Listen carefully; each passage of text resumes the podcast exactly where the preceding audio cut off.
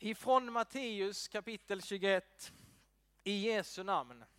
När Jesus och hans lärjungar närmade sig Jerusalem och kom till Betfage vid Olivberget skickade Jesus iväg två lärjungar och sade till dem, gå bort till byn där framme så hittar ni genast ett åsnesto som står bundet med ett föl bredvid sig. Ta dem och led hit dem.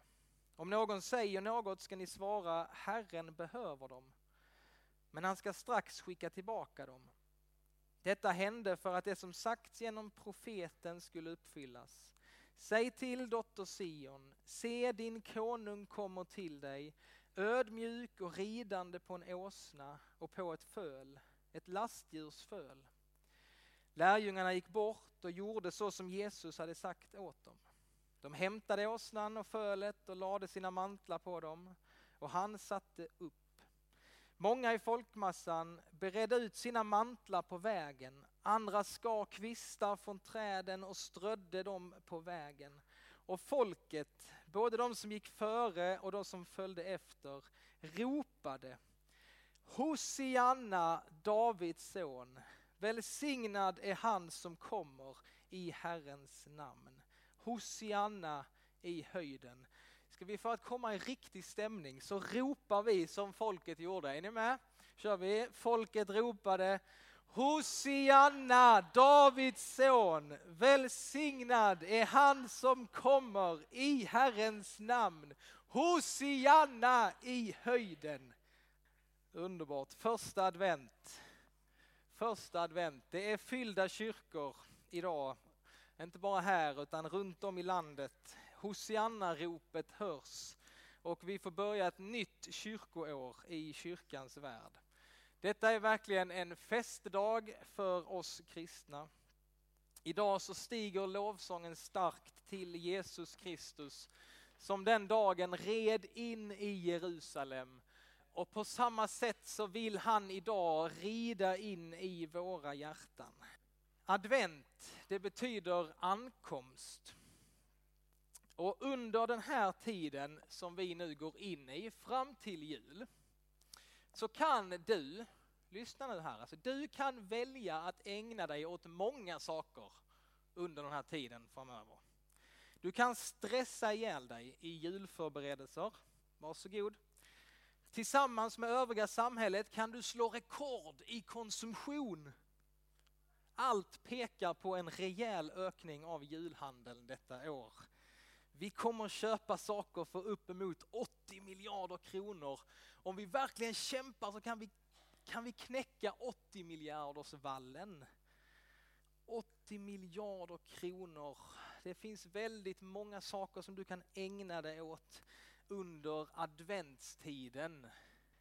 Och en sak du kan göra, det kan du göra, så du kan göra det som kristna har gjort i alla tider under adventstiden. Adventstiden är ju en kristen högtid, kanske ni inte visste, men det är ju det från början. Och så kan vi få göra det som kristna i alla tider har gjort, alltså använda den här dyrbara tiden på året som en väckelsetid för ditt och mitt inre liv. För det är just det det är. Man brukar kalla det för lilla fastan. En förberedelsetid, en väckelsetid för vårt inre liv. Och de är lite olika. Vi har ju den stora fastan inför påsken. Där handlar det mycket om just ransakan i mitt eget liv, att få se sanningen om mig själv och att möta sig själv, omvändelse. Den här tiden fram till jul då har kyrkan speciellt stannat upp, stannat upp, mediterat, reflekterat just över Jesu ankomst utifrån flera nivåer. Alltså först den nivån av Jesu ankomst när han kom till jorden första gången. Och du kanske tänker, ja men det, det kan jag ju, Gud blev människa hur Gud blev människa genom Maria. Alltså detta är så stort så att vi kan inte tro att vi liksom har fattat det än. Utan det finns sådana djup där. Och att få under den här tiden få stanna upp, liksom, låta det få gå djupare. Vad innebär det att Gud blev människa för vår skull? Det är en sak som vi kan fundera på under den här tiden. Det andra det är hans ankomst i ditt liv, i din vardag. Alltså hans sätt att försöka forma dig så att du ska bli mer lik honom. Hans ankomst genom Guds rike i den här världen just nu. Alltså hur Guds rike växer i hans kyrka. Och sen det sista, hans ankomst vid den yttersta dagen. Då Guds rike till slut når sin fullkomning, att Jesus ska komma tillbaka ännu en gång. Så just det här temat kan du, om du vill, få stanna upp inför. Låta den här adventstiden få eh, be om ett hjärta som är liksom förberett, ett hjärta som är redo. Ett hjärta som är vaksamt, som inte bara liksom livet inte bara rullar på utan du lite får leva vaksamt. Och vi får be tillsammans om ett, också om ett hjärta som, som längtar efter Jesu ankomst. Gör du det? Längtar du efter Jesu ankomst? Under den här tiden så kan vi få be om det hjärtat. Och vi får be om det inte bara för vår egen del, för vårt eget liv, utan vi får be också det för kyrkan och för den här världen. Att när Jesus kommer tillbaka, att han ska finna en kyrka som är redo för hans återkomst. Och jag tänker att vi kan liksom mata vår längtan med så många olika saker. Du kan liksom mata din längtan med mer prylar, större hus, bättre bil, mer av det senaste och ju mer du fyller dig med det, ju mer du matar dig med det, desto större kommer den längtan i ditt liv att vara, att vilja ha det där. Eller så kan du mata din längtan med Jesus. Genom att stanna upp, genom att läsa hans ord, genom att be, genom att reflektera över ditt liv, genom att vara generös under den här tiden, genom att avstå från saker. Hör ni vad konstigt? Att avstå från saker, att vara närvarande här och nu, inte bara stressa på utan att få vara närvarande. Då kommer du också få en större längtan liksom, efter Jesus. Och vissa, vissa människor är inte riktigt medvetna att de har det här valet. Vadå? Ha, ja, och då vill jag säga till dig, du har ett val. Du har en fri vilja. Du behöver inte bara göra som alla andra. Du är fri att välja hur din adventstid ska vara. Du är fri att välja hur din adventstid ska vara. Men det är framförallt det här temat det handlar om. Och jag tror att i den här tiden så vill Gud på något sätt blåsa liv i vår längtan efter honom. Han som kommer. För det är sant, Jesus han kommer. Han är den som kommer, han, an, hans ankomst närmar sig. Vi behöver inte tjata på honom utan för att han ska komma. Vi behöver inte tvinga honom. Utan han kommer spontant, vare sig vi vill det eller inte. Och därför är tiden för oss kristna, om vi tänker tid, det är liksom inte bara en förfärande väntan. Dagarna i almanackan är inte bara en jobbig påminnelse om att allting tar slut en dag. Nej, tiden för oss kristna, det är en påminnelse om att han kommer. Han närmar sig. Ingen i världshistorien har varit närmare hans återkomst än vi idag. Han har lämnat oss, men han är också den som ska komma tillbaka. Så vår tid här på jorden, det är inte bara ett pågående förfall. Ni kanske har hört om de här liksom senaste klimatrapporterna. Det är ju sån, ja, vårt läge liksom, det är inte roligt. Om man bara hade varit utlämnad till vad vi människor klarar av. Det är tydligt liksom, vi klarar inte av att ta hand om skapelsen så som vi skulle göra. Men vår känsla som kristna, vår syn på tiden, det är inte ett pågående förfall, en utdragen väntan på döden. För oss så går inte tiden mot tomhet och förfall. Nej, tiden går mot fullbordan för oss. Hur Gud ska fullborda sin skapelse. Hur än dina omständigheter ser ut idag, var du än befinner dig i livet, så kan du få säga tillsammans med mig, jag har det bästa framför mig. För en dag så ska jag få möta min frälsare och vän. Jag har det bästa framför mig. Och när vi nu har tagit emot Jesus i våra hjärtan, om du har gjort det. Vi som har gjort det, vi befinner oss i ett väldigt speciellt tillstånd. Va? För att vi, eh, vi har ju gemenskap med Jesus Kristus här och nu, det tror vi. Vi tror att han bor i våra hjärtan genom den heliga ande. Men samtidigt så väntar vi på honom, att han ska komma i sin härlighet. Alltså vi väntar och vi längtar efter att få se honom ansikte mot ansikte. På samma sätt som Maria och varje gravid kvinna va? som går i väntans tider så väntar de på någon som redan finns inom oss. En gravid kvinna går i väntans tider. Hon kan inte se det som finns här inne. Men allt eftersom tiden går så blir hon mer och mer säker att det måste ju finnas någonting här inne. Det är någonting som växer här inne. Och i början så ville hon inte berätta det för någon. Sen börjar hon berätta det för några kanske. I början är hon lite osäker. Stämmer det? Kan det vara sant? Är det verkligen någonting som växer här inne? Men efter tiden går så kan hon liksom inte dölja det längre.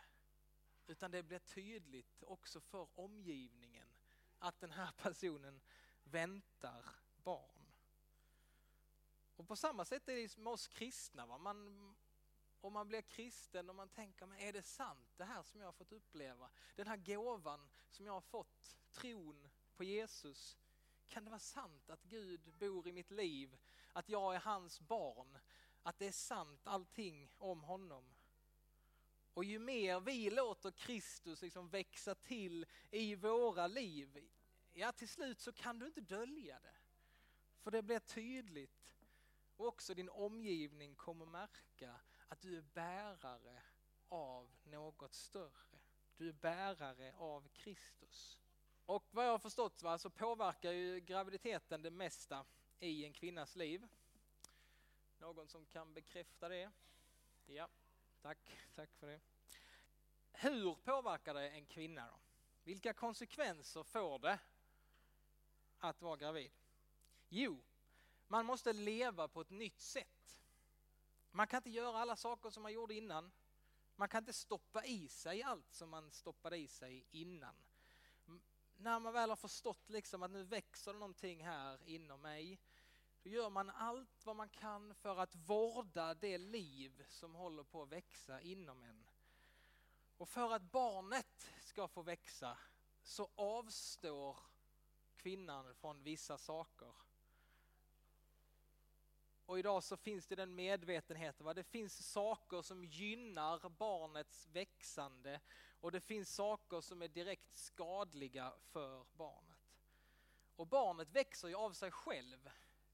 Det är liksom ingenting som kvinnan kan prestera fram, det växer av sig själv. Men mamman kan skapa liksom en miljö som gynnar barnets växande. Och jag tror på samma sätt är det med Kristus i ditt och mitt liv. Va? Vi vill ju att, att han ska få växa, att tron ska få konsekvenser i våra liv. Och vill vi att Jesus ska få växa till i våra liv, ja men då kan vi inte leva på samma sätt som vi gjorde innan han flyttade in i vårt liv. Det finns saker som får ditt, din tro att växa och så finns det saker som du och jag kan ägna oss åt som förminskar och förstör den tro som du har fått. Och vi kan inte prestera att tron ska växa eller att Jesus ska växa i våra liv. Men vi kan skapa en miljö i våra liv så att Kristus kan växa till inom oss. Och alla ni som har barn, jag kan också intyga det, att när man får barn så dör något av ens eget liksom, liv. Det är någonting som dör och någonting annat måste få ta plats. Liksom. När barnet har kommit in i bilden, ja men då finns det inte så mycket utrymme längre för mina intressen, mina behov, utan barnet som man har fått är på något sätt det viktigaste. Barnet får ta upp all tid i ens liv. Och det blir lite som att man behöver dö bort ifrån sig själv för att det nya livet ska få liksom utrymme, få den omsorg som det förtjänar. Och på samma sätt skriver ju Paulus om oss kristna att vi har dött, det är någonting som har dött i, i och med Kristus. I vårt dop så dog något av vår gamla människa. Vi har dött bort från synden, från vårt gamla liv och så lever vi i, någon, i det nya livet som Jesus har vunnit åt oss. Och när man är gravid så kan man också gå på ultraljud och titta till liksom lite. Hur, hur går det nu? Är allting, växer det som det ska? Och jag tänker att lite som i varje gudstjänst vi firar skulle man kunna se som ett litet ultraljud för vårt kristna liv. Men jag tänker att framför allt så kan den här adventstiden få vara en enda långt ultraljud för ditt kristna liv. Hur står det till med Kristus i ditt liv?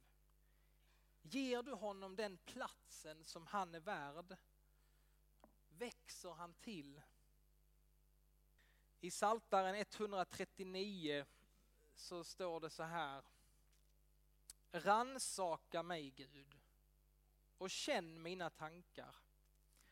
Pröva mig och känn min oro.